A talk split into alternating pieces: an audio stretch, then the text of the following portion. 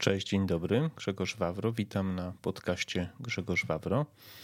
Podcast ten możecie słuchać y, zarówno na y, YouTubie, jak i na większości y, platform takich streamingowych typu Spotify, Apple Podcast, Stitcher, Google Podcast, SoundCloud.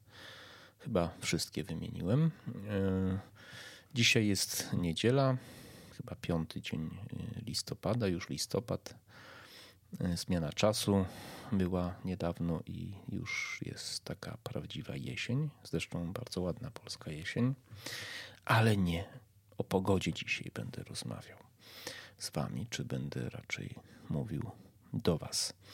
E, zanim zacznę, chciałem Was prosić o e, lajkowanie moich podcastów, filmów, o subskrybowanie mojego kanału, jeżeli wracacie do niego, jeżeli słuchacie, jeżeli podoba się Wam y, właśnie o wspieranie w taki sposób y, moich treści. Proszę, ponieważ nie zarabiam na nich, aczkolwiek staram się mieć jak najlepsze zasięgi i chcę Was przekonać do pewnych moich poglądów albo do rzeczy, które uważam, że są ważne, albo do rzeczy, nad którymi uważam warto się zastanowić. I generalnie staram się moich słuchaczy zachęcać do myślenia, do analizowania, do unikania emocji w podejmowaniu decyzji i do, do spojrzenia szerszego na otaczający nas świat i na problemy, jakie nas y, dotykają różnego rodzaju. Y, muszę Wam się przyznać do czegoś, to znaczy, że nagrałem dzisiaj już jeden odcinek taki wideo, ale mi się nie spodobał i go nie opublikuję. Jakiś taki byłem spięty, nie podobało mi się. Więc teraz y, podejmuję drugą próbę y, i będzie to w formie podcastu.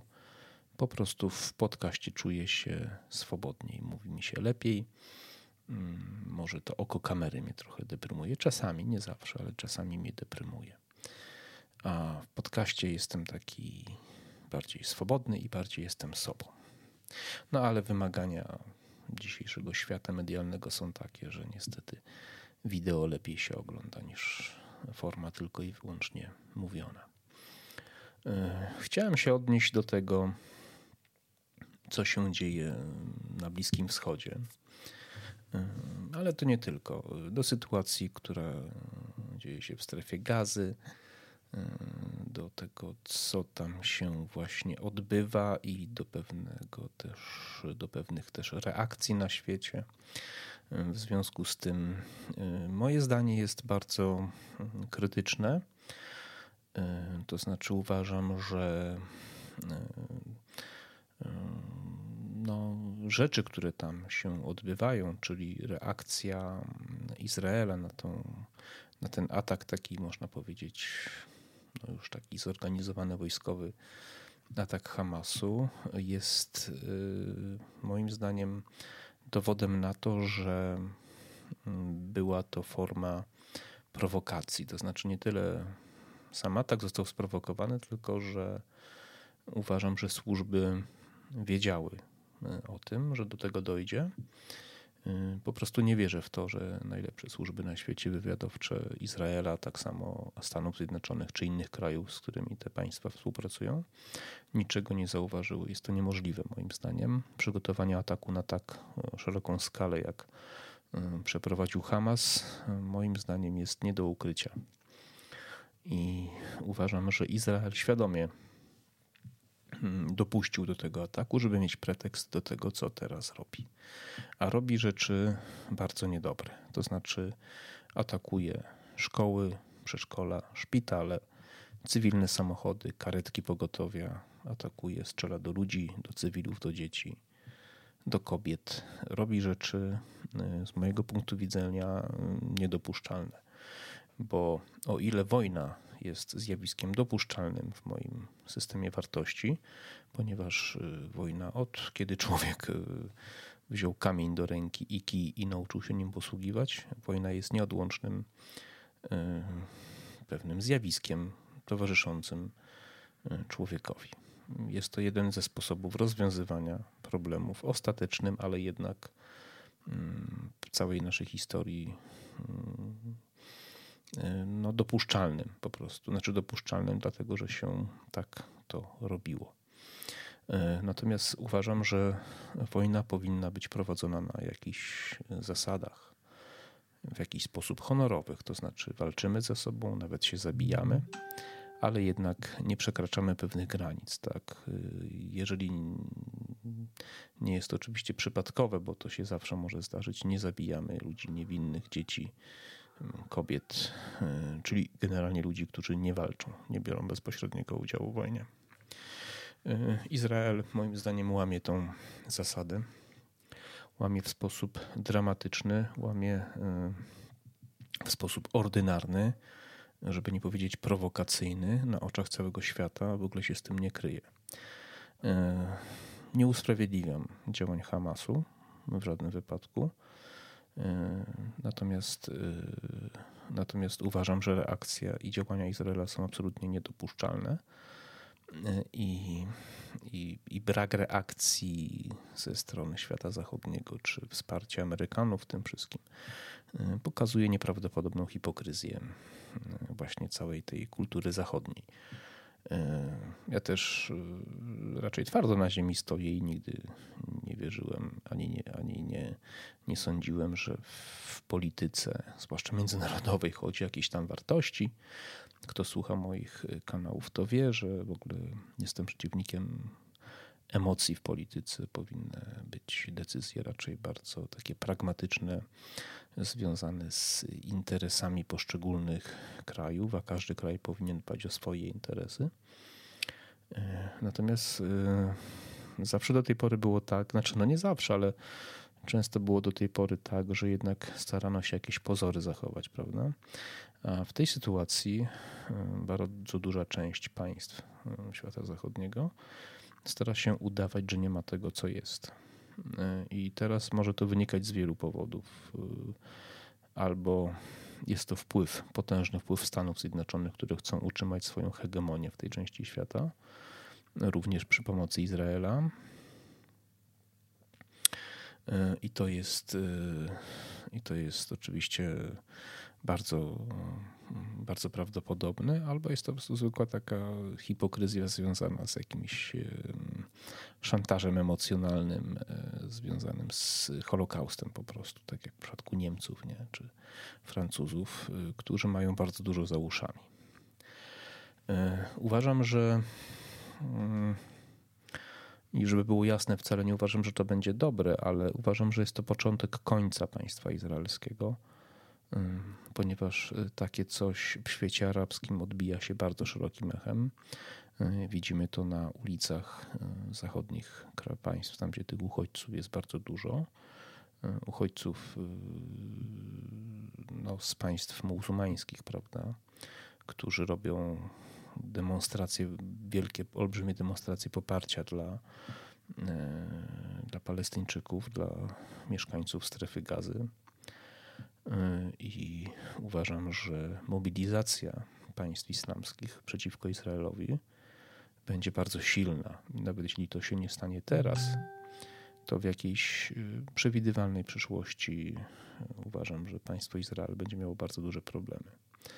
I uważam, że to jest zła y, informacja dla nas wszystkich. Może mieć to bardzo konsekwencje takie szerokie, mm, o wiele szersze niż by się mogło komukolwiek wydawać. Mm, może dojść do jakiejś y, bardzo dużej wojny tam, w tamtej części świata, no, która może się rozlać znacznie szerzej.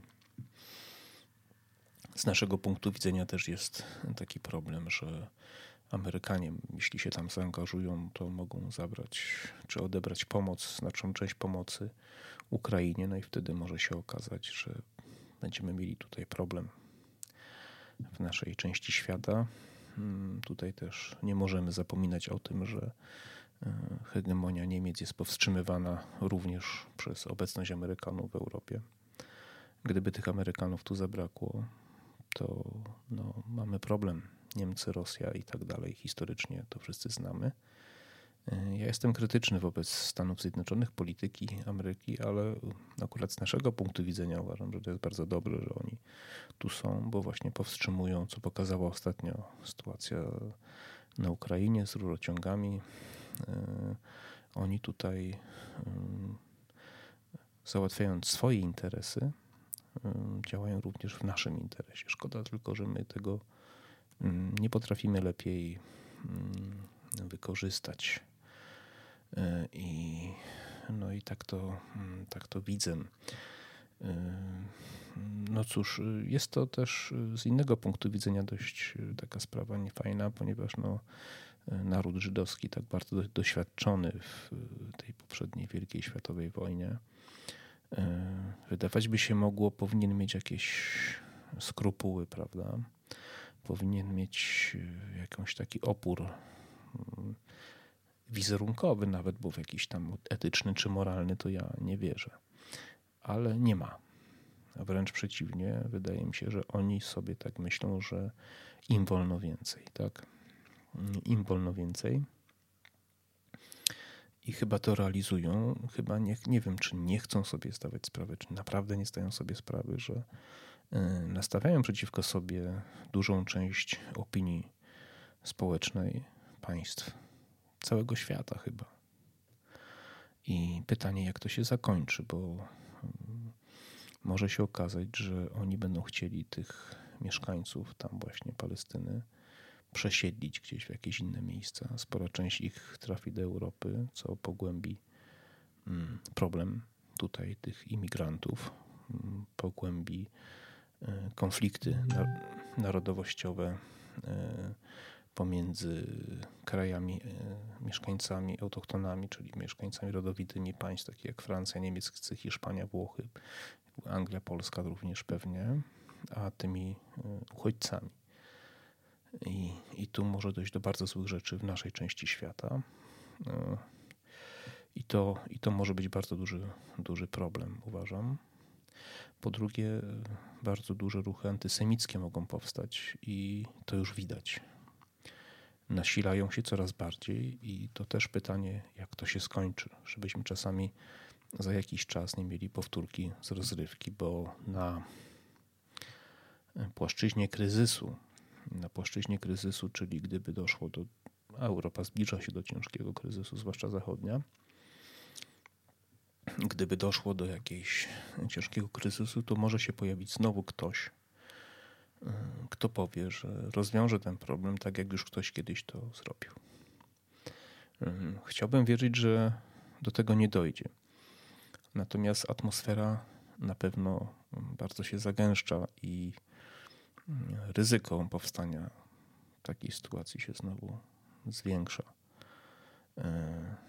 No cóż, przeżyliśmy kilkadziesiąt lat spokoju, Mm, duża część społeczeństw odzwyczaiła się od takiego poczucia zagrożenia, jak kiedyś było. Ludzie kiedyś wiedzieli, że wojna może przyjść w każdej chwili mm, i byli jakoś psychicznie przygotowani na to. E, I też byli przygotowani na różne kryzysy z tym związane. E, zachowywali się bardziej racjonalnie. Dzisiaj mam wrażenie, przez ten długi okres pokoju w Europie,